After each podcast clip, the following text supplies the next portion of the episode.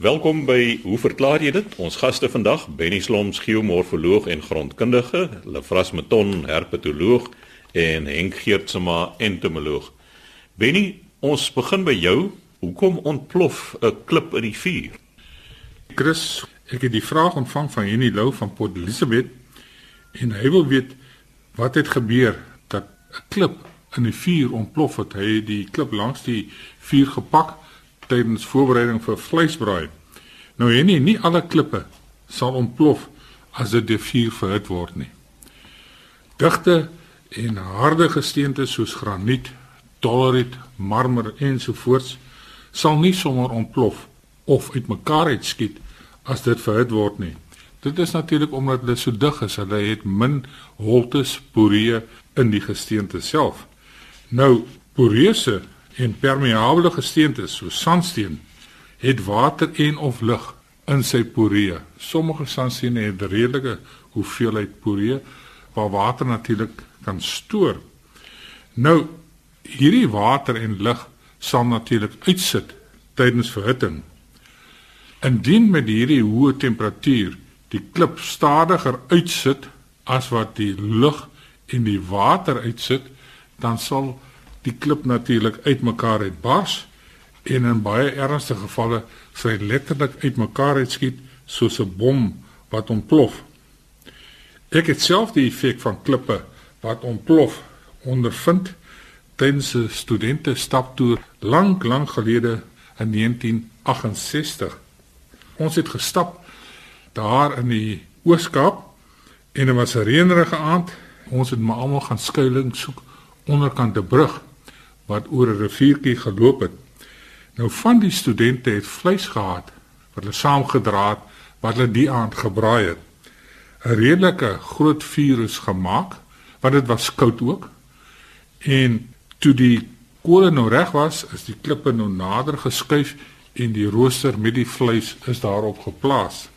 Nou die vleis was nie halfpad gaar nie. Toe ontplof daar van hierdie rivierklippe let wel, dit was sandstene geweest, geronde sandstene wat hulle sommer daar by die rivier opgetel het.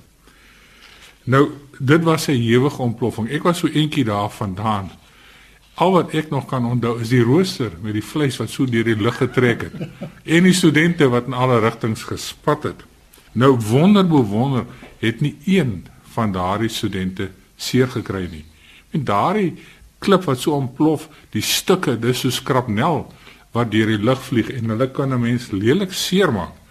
Daar het ek hierdie verskynsel vir die eerste keer ervaar. Deesdae sien 'n mens ook dat geboude braaiplekke dat die bakstene kraak na langdurige vuur. Dit is dieselfde effek, dit is net nie so hewig nie. Maar mens moet maar oppas vir hierdie ronde klippe in die veld, veral sandsteen. Die grond het sê natuurlik vir jou, dit is 'n rivierklip. Hy het daar in die water gelê en hom teen aan die vuur te sit terwyl die vuur aansteek en natuurlik as jy braai. Ja, hierdie dit is die rede hoekom die klippe ontplof. Dit is die uitsetting van die lug en water water sal natuurlik na stoom toe omgesit word as die klip ver genoeg verhit word en 'n mens moet maar mooi kyk watter klip jy gebruik indien jy dit in die veld rondom jou braaivleisvuur wil pak. Benny, ek wil sommer so ietsie anders vir jou vra oor klippe. Ek is mos nou 'n herpetoloog, so ek is baie besorg oor die akkedisse. Jy weet, hulle skuilplekke wat die wat nou in, in krake bly.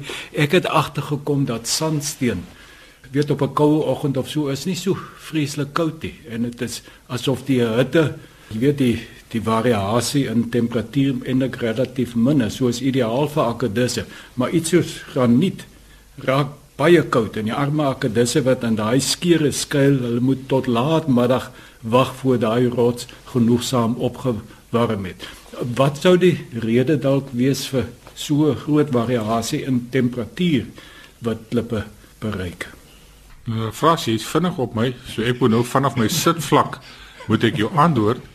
Maar soos ek genoem het, die sandstene het poree. En in die poree is lug. En lug is 'n baie swak geleier van hitte. So meer poree in 'n gesteente, hoe swakker sal die uh, geleiding wees terwyl by graniete wat solied is, het jy natuurlik vinniger geleiding en sal hy in die nag vinniger afkoel as wat die sandstene sal afkoel. Nou ja, dit was Benny Slomps, ons geomorfoloog en grondkundige wat verduidelik het hoekom 'n klip in die vuur ontplof en Benny ek is baie bly daar's 'n logiese verklaring daarvoor want ek sou gesê het 'n student sal enige iets regkry. Maar Henk, jy het 'n vraag daaroor oosterse lieweneersbesies. Ja, ek het 'n brief gekry van Louis van Rooyen. Hy sê hy woon in Klerksdorp en hy sê so 5 jaar gelede het hy Peppler gepraat oor 'n indringer lieweneerbesie in Suid-Afrika. Nou dis natuurlik die oosterse lieweneerbesie. Pas later het ek al op my erf geïdentifiseer en doodgemaak waar ek kon. Nou beskryf hy die lieweneerbesie. Hy sê gogga is effens groter as ons besie. Daar's natuurlik so 30 spesies van lieweneerbesies in Suid-Afrika. Hy is oranje met swart vlekkies, eerder as swart met oranje. So Natuurlik van ons lieweneerbesies is heeltemal swart, party van hulle is geel, party van hulle is bruin. En dan natuurlik die hoofsaaklike kleur is rooi of rooierig met dan swart kolle. En die aantal swart kolletjies byvoorbeeld is baie kenmerkend vir 'n spesies, maar nie altyd nie. Partykeer kry mens dat binne dieselfde spesies kry mens variasie van die kleurpatroon. So een individu van daai soort mag 'n rooi dekskild hê met swart kolletjies en 'n soortgenoot, selfe spesies, mag pikswart wees. So, dis nie so maklik om lieweneerbesies te identifiseer nie. Nou gaan hy aan Louis van Rooyen, dis hy slaan 'n mens hom dood of vlieg hy teen jou vas. Natuurlik die wyfies ook. Dan skei hulle walglike reuk af en dan is hulle geneig om te byt. Hulle is 'n bietjie uh nare goed. Nou gee dit 'n stinkende kol as mense hom doodslaan. Dit hy nou 'n trechter ontwikkel van 'n koeldrankbottel en dan gooi hulle nou in die bottel en nou het al 'n hele paar sentimeter verdorde lykies. Hulle is besonder taai, vat langer as 'n week om in 'n verseelde fles dood te gaan. Arme lieweneerbesie. Nou die afgelope jare het ek die besie nie gesien nie tot nou 3 weke gelede. Toe is hy skielik terug Nou Louis se brief is Junie 14 en nou 3 weke gelede is dan die einde van Mei. Met ander woorde, ons is weer in die begin van die winter. Nou wonder hy, is die indringer weer algemeen of is dit net in my omgewing? Het ons al raad met die ding? Nou ek praat liewerste 'n bietjie meer oor die algemene rede oosterse lieweneerbesie En ek verwys liewerste na sy mooi latynse naam Harmonia axyridis. Ons praat van harmonia, dan weet ons waarvan praat ons. Nou, hierdie harmonia is die eerste keer in 2004 gerapporteer in Suid-Afrika en daar is onlangs 'n studie gedoen omdat die wingerdboere is bekommerd oor die voorkoms van hierdie harmonia in die wingerde. Want hulle aanwesigheid soos met verkleurmannetjies kan die smaak van wyn beïnvloed en natuurlik negatief. Nou van al die lieweneerbesies wat gevind is in die in die wingerde was harmonia die meeste in getal. Met ander woorde, ons besig om die inheemse lieweneerbesies te verdring. Daar's geen inheemse parasiete op hierdie harmonia gevind nie, so dit teel net lustig voort. Maar die getalle van harmonia word negatief met temperatuur maar positief met reënval geassosieer.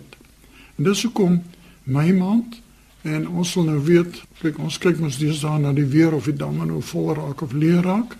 Selfs in Klerksdorp reën dit goed en dit goed gereën in soos die Engelsman sê up country. En hierdie harmonia reageer op reënval. As daar meer reënval is, is daar meer van hierdie kiewertjies in die omtrek. Nou harmonia is eintlik inheems tot Asië strek van Suid-Siberië deur na Korea, Japan tot in die Himalaya gebergtes. Maar dis meer onlangs is dit 'n indringer gemaak na verskeie kontinente. Dis in Amerika gevind van 1970 tot 1980, Argentinië 2001, Groot-Brittanje 2004 en Suid-Afrika ook 2004. 'n onlangse opname het bevind dat hierdie harmonia kom nou voor reg deur Suid-Afrika, insluitende Klerksdorp.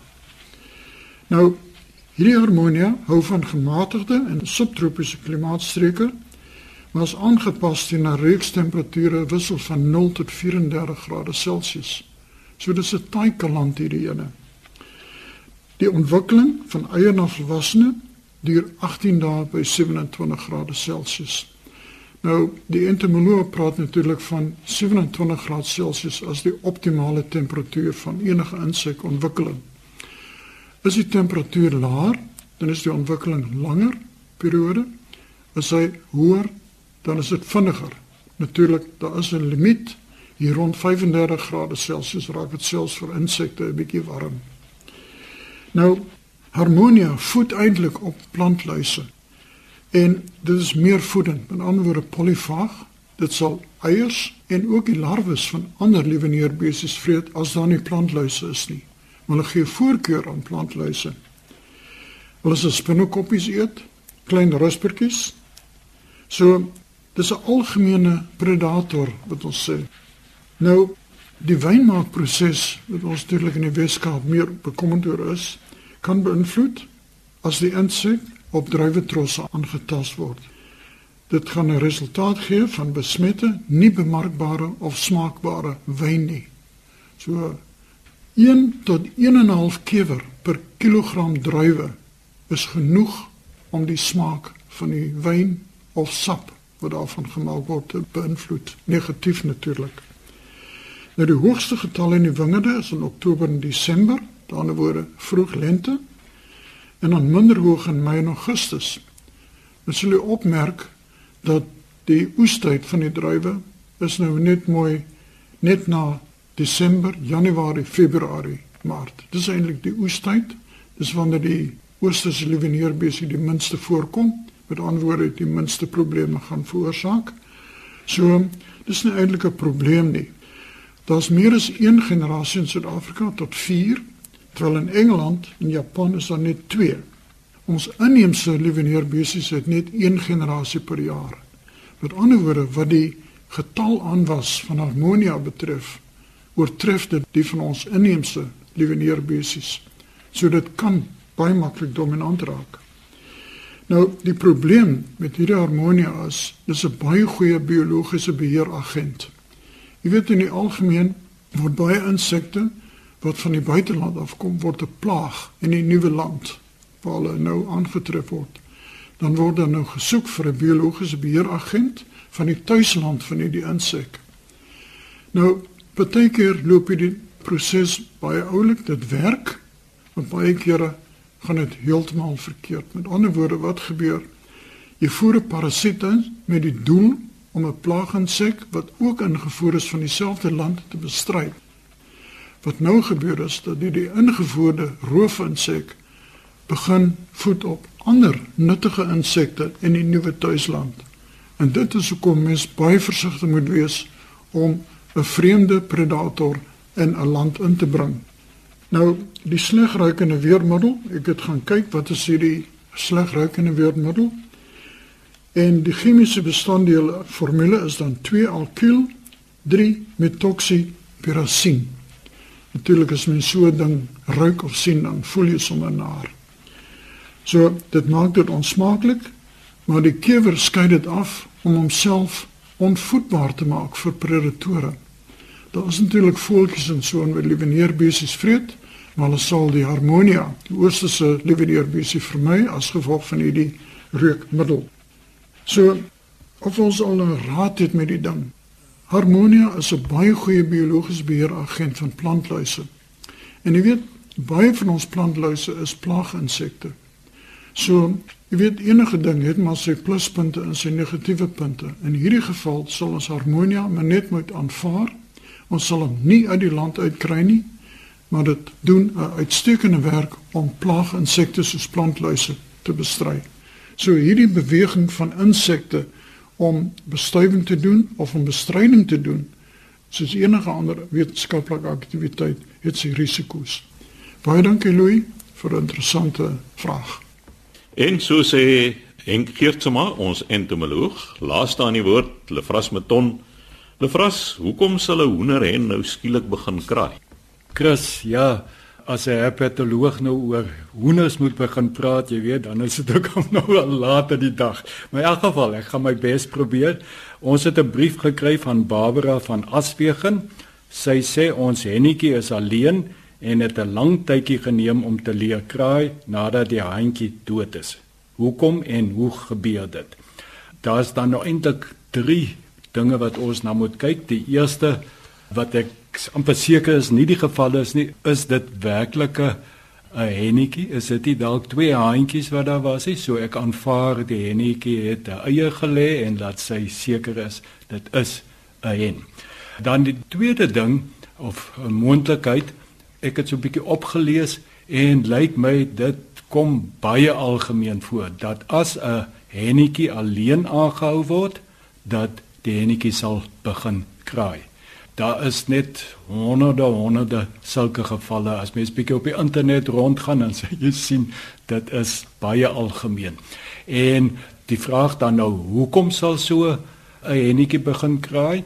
Dit is dan nou hier 'n gedrags ding, 'n gedragsverskynsel. Ek dink dit is werklik so vir baie diere wat in gevangenskap aangehou word. As hulle alleen is, dat hulle eienaardige dinge begin doen wat hulle nie andersins sou gedoen het as hulle tussen lede van hulle selfde spesies sou gewees het nie. Miskien is dit alleenheid 'n manier van probeer om te kommunikeer of dalk is daar iewers 'n ander hoender wat nou sal naderkom, maar die gekraai het definitief nie 'n fisiologiese ondertoon nie. Dit is dit is maar net 'n gedragsverskyning. Ek hou duwe aan en so 'n sekere tyd van die jaar dan skei ons die mannetjies en die wyfies en dan sien mens baie baie snaakse gedrag veral by die wyfies dat hulle sal van die wyfies sal oppaar met 'n ander wyfie en van die wyfies of van die paar is daar definitief een wat dan nou soort van die mannetjie is. Soms sien mense dat hulle begin koer, jy weet, soos duwe hofmakery, hulle doen dit. En ja, maar as jy natuurlik nou weer die mannetjies bysit, dan gaan daardie gedragspatrone dan nou weg.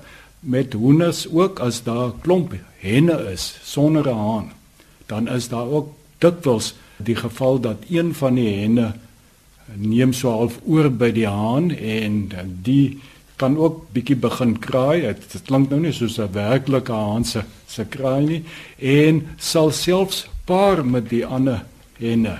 Natuurlik gebeur dan nou niks daar. Daar word nou nie eiers bevrug nie en die hen sal dan ook soort van die hoenders teruglei as hulle nou buite rondloop en en dit raak nou donker en so meer. Tipies die dinge wat die haan sou gedoen het. So lyk my dit is baie algemeen vir hennetjies as hulle alleen aangehou word dat hulle sal begin kraai. Die werklike presiese rede sal nou moeilik wees om te bepaal. Mens kan maar net raai. Dan is daar nog 'n derde moontlikheid wat ek twyfel aan hierdie situasie nou die geval sal wees. En dit is dat dit kom algemeen by voëls voor dat 'n hen vir wyfie in 'n mannetjie kan verander.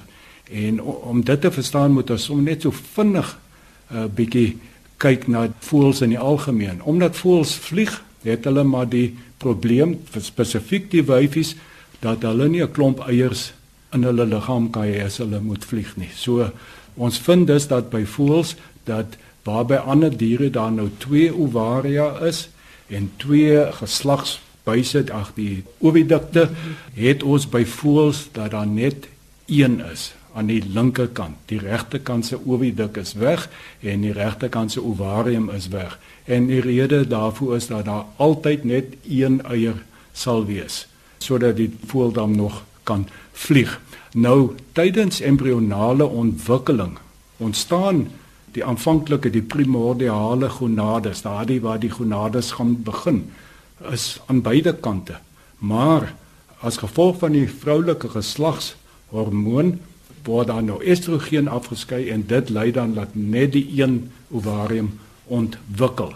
Maar sou daar dan nou later in die lewe van die hen iets gebeur wat daardie ovarium beskadig, dan kan daardie ander ovariumpie wat nou nie ontwikkel het nie, maar die hy hy kan ontwikkel. Hy sit daar dan begin hy te ontwikkel en nou word daar nie estrogen afgeskei nie want die die ovarium is beskadig. Nou ontwikkel daardie ander ovariumpie, die kleintjie.